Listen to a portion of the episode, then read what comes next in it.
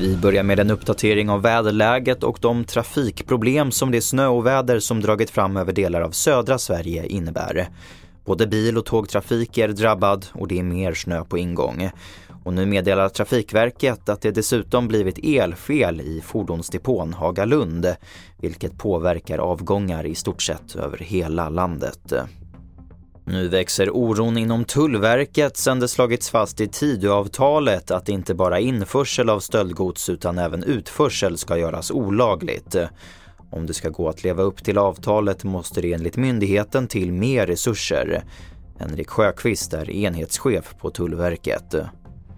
För tjänstemännen som jobbar ute och man jobbar med utgående kontroller och eh, stöter på misstänkt stöldgods så vill man ju ha rätt verktyg att kunna agera så att eh, kan man inte det så är det klart att det är en frustration.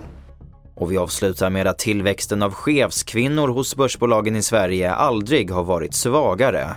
Efter ett årtionde med stadig ökning är utvecklingen nu noll. Det visar stiftelsen Allbrights nya rapport som presenteras idag. Mer om det här på tv4.se. Och det får sätta punkt för TV4 Nyheterna. Jag heter Albert Hjalmers.